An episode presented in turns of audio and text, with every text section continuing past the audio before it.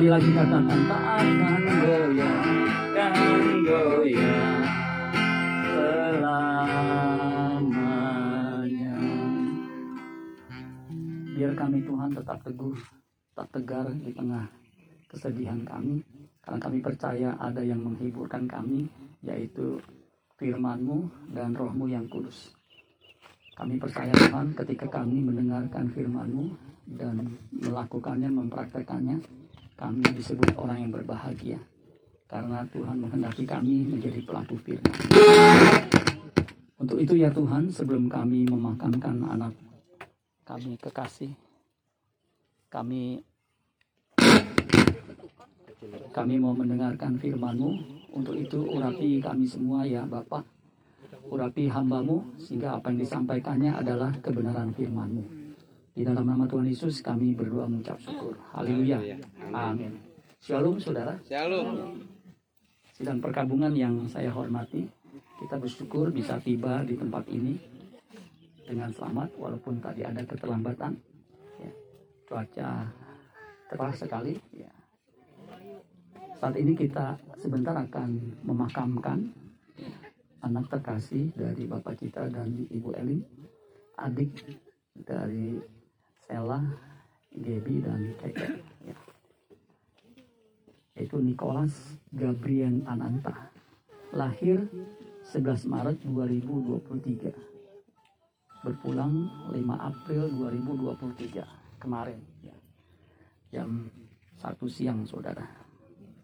Saudara-saudara sekalian di Alkitab ada satu peristiwa yang terjadi seorang bayi baru tujuh hari meninggal ya di situ dikatakan karena kena sakit ya. nah saya akan bacakan saudara sekalian di situ ada sikap dari ayah orang tua dari bayi yang meninggal itu yang kita bisa belajar. Ya. Pada hari yang ketujuh, matilah anak itu. 2 Samuel 12 ayat 18. Dan pegawai-pegawai Daud takut memberitahukan kepadanya bahwa anak itu sudah mati. Kenapa pegawai Daud, Raja Daud ini, pegawainya, punggawanya takut? Sebab Daud itu sampai doa puasa memohon agar anaknya itu tetap hidup. Ya. Dia tidak mau makan, dia tidak mau minum, dia berpuasa. Tapi ternyata anak itu dikatakan sudah mati. Sebab mereka berkata, ketika anak itu masih hidup, kita telah berbicara kepadanya. Tetapi ia tidak menghiraukan perkataan kita Bagaimana kita dapat mengatakan kepadanya anak itu sudah mati? Jangan-jangan ia mencelakakan diri. Jadi pegawainya secara logika memprediksi, memperkirakan bahwa kemungkinan Raja Do akan ngamuk, bahkan mungkin tidak terima kenyataan anaknya meninggal. Yang menarik sosial di ayat 19 dikatakan, ketika Daud melihat bahwa pegawai-pegawainya berbisik-bisik, mengertilah ia bahwa anak itu sudah mati. Nah, saudara perhatikan di situ kalimat mengertilah ia bahwa anak itu sudah mati. Kalau kematian yang terjadi atas orang tua, kita lebih bisa memahami. Ya. Ketika tahun 2010 papi saya ya. saya anak yang laki-laki yang cukup dekat dengan papi saya jadi ketika saya mendengar beliau dipanggil pulang itu saya sedih sekali saudara selama dua minggu saya nggak begitu nyaman hidup ini ya. Apa ini itu yang salah satu yang ikut memandikan ya saya ingat betul. Tanya orang ini. Saya sulit saudara sekalian ya, untuk bisa mengerti. Usianya waktu itu 75 ya. 75 tahun 36 dia meninggal 2010 ya. Tetapi saya ter, uh, uh, apalagi saya kan hamba Tuhan saya bisa mengerti memahami ya. karena memang ya udah umur 75 ya manusia umur 70 atau 80 kalau dia kuat ya. tapi 75 menurut pemahaman kita sudah waktunya begitu saudara sekalian tetapi Raja Daud pada mulanya ketika anaknya sakit ya sakit keras dia berusaha ya, dia seorang raja yang berkuasa punya tabib istana punya relasi punya kemampuan punya orang-orang yang bisa menolong anaknya, tetapi Alkitab mengatakan ya, lain. Ya, anak itu sudah mati. Nah, jadi sekalian mengertilah ia bahwa anak itu sudah mati. Apa tindakan selanjutnya setelah dia mengerti? Lalu Daud bertanya kepada pegawai-pegawainya, sudah matikah anak itu? Ini ini pertanyaan retorika, ya karena sudah tahu jawabannya. Jawab mereka sudah. Lalu Daud bangun dari lantai.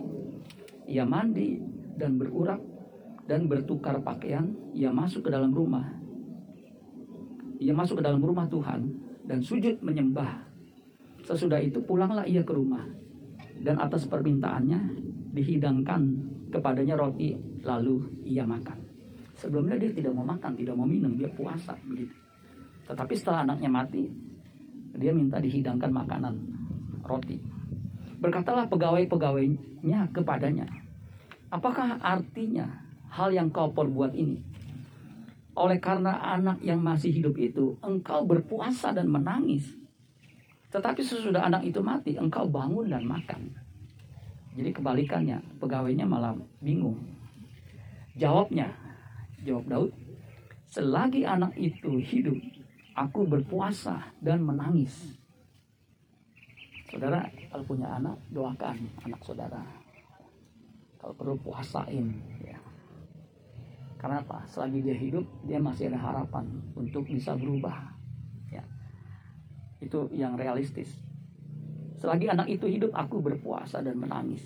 Karena pikirku siapa tahu Tuhan mengasihani aku sehingga anak itu tetap hidup tetapi sekarang ia sudah mati maka judul renungan pada kesempatan kali ini ia sudah mati ini renungan yang belum pernah saya sampaikan di mana pun ya.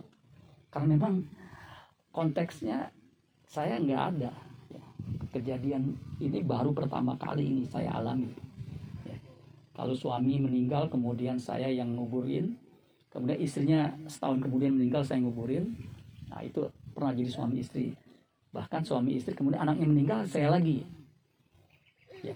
bahkan ada yang tanya ini bapak pendeta Cecep spesialis pemakaman ya dia post di IG saudara ya, ya jadi bapak kayaknya spesialis pemakaman ya. karena dia lihat kayaknya sering banget begitu saudara ya. tetapi untuk memakamkan yang tadi saya katakan uh, yang disebut dengan neo natal death kematian kelahiran baru ini baru kali ini suruh sekali. Makanya khotbah yang saya sampaikan ini betul-betul baru sama sekali. Ya. Saya ulangi, tetapi sekarang ia sudah mati. Mengapa aku harus berpuasa? Dapatkah aku mengembalikannya lagi? Jadi nggak bisa mau puasa, mau apa pun udah nggak bisa kalau sudah meninggal, saudara. Ada cerita ya 2016 seorang pendeta besar besar saudara. Gerejanya itu bisa muat 10 ribu sekali kebaktian. Ketika dia khotbah kena serangan jantung kemudian dia meninggal. Jemaatnya dan pengurusnya minta dia dibangkitkan. Maka dibawa ke gereja untuk doakan mereka doa meraung-raung berteriak-teriak minta Tuhan sembuhkan nyatakan mujizat tapi sampai waktu yang disepakati oleh dokter ya tidak bangkit saudara sekalian karena memang sudah mati. Dapatkah aku mengembalikannya lagi? Enggak bisa. Aku akan pergi kepadanya, tetapi ia tidak akan kembali kepadaku. Yang bisa adalah kita nanti akan menyusul. Ya. Kalau yang meninggal tidak bisa kembali lagi hidup kecuali mati suri. Ya. Kemudian Daud menghibur hati Betseba istrinya. Ia menghampiri perempuan itu dan tidur dengan dia dan perempuan itu melahirkan kembali seorang anak laki-laki. Lalu Daud memberi nama Salomo kepada anak itu. Tuhan mengasihi anak itu. Dan dengan perantara Nabi Nathan ia menyuruh menamakan anak itu Jedidah oleh karena Tuhan. Jadi saudara sekalian sikap Raja Daud ini menjadi pelajaran buat kita semua yang kehilangan untuk bisa menerima realitas kematian. Ya, siapa pun dia pasti akan mengalami yang namanya realitas kematian. Apakah dia sendiri yang akan mengalami kematian atau orang yang dia kasih suami atau istri atau anak atau orang tua.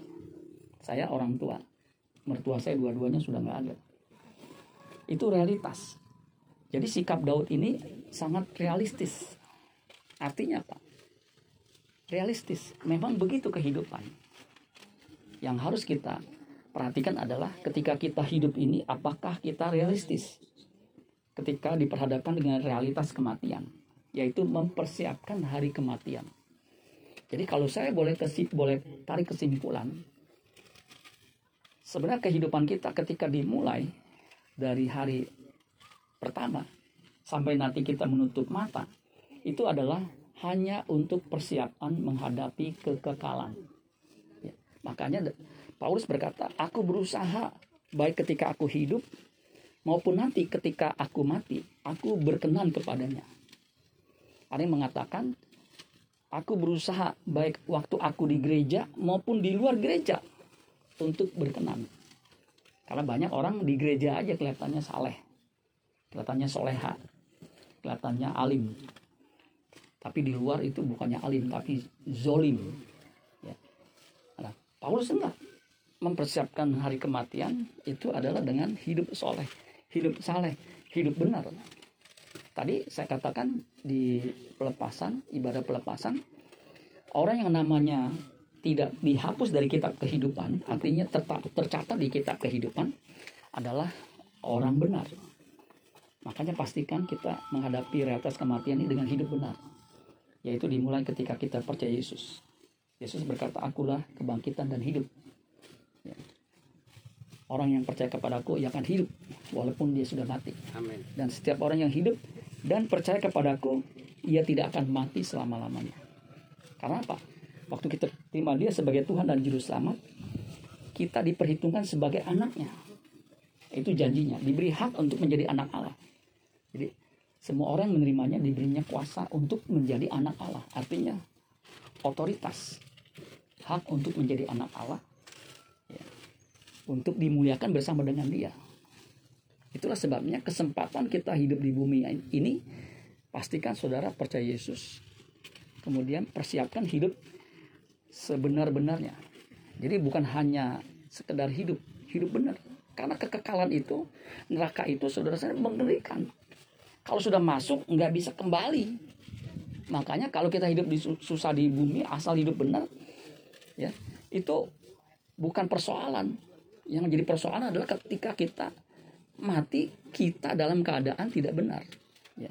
Alkitab mengatakan kematian orang yang takut akan dia, yang percaya kepada dia itu berbahagia.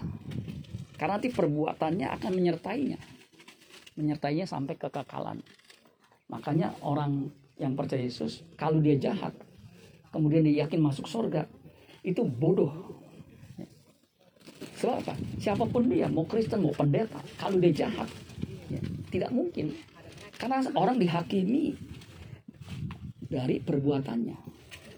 Ya, tadi dikatakan, ya saya katakan, orang yang dihapus namanya dari kitab kehidupan adalah orang yang menjolimi kebenaran, orang yang melakukan ketidakbenaran, orang yang hidup di dalam ketidakbenaran itu namanya akan dihapus. Meskipun dia mengaku sebagai orang Kristen. Tetapi kalau dia hidup tidak takut Tuhan, namanya akan dihapus. Makanya pengkhotbah ini anak Daud yang akhirnya menjadi raja besar. Ya, itu menulis dalam pengkhotbah pasal 12 kitab terakhir dia mengatakan begini. Akhir kata dari segala yang didengar ialah takutlah akan Allah dan berpeganglah pada perintah-perintahnya. Karena ini adalah kewajiban setiap orang. Karena Allah akan membawa setiap perbuatan ke pengadilan yang berlaku atas segala sesuatu yang tersembunyi, entah itu baik atau entah itu jahat. Jadi saudara sekalian, perbuatan kita akan diadili saudara sekalian. Kita bersyukur Yesus mati di kayu salib itu memungkinkan kita punya potensi untuk bisa tinggal di kerajaannya. Ya kalau kita percaya Yesus, kita wujudkan percaya kita dengan hidup benar di hadapannya. Kasih kita, anak kita yang kita kasihi, Nikolas ini, dia belum melakukan sesuatu yang tadi saya katakan. Dia belum bisa berbuat apa-apa, berbuat banyak. Ya. Bahkan untuk dirinya sendiri dia belum bisa. Ya. Makanya yang menjadi perdebatan di sekolah teologi adalah kematian bayi ini gimana? Karena Alkitab seolah-olah diam. Tapi saya meyakini tadi saya katakan dalam anugerahnya kematian bayi di bawah satu bulan Tuhan menerima di keabadian. Kita akan memakamkan kekasih kita Nikolas, panggilannya Niko. Di tempat ini, di dalam nama Tuhan Yesus. Amin buat firman Tuhan.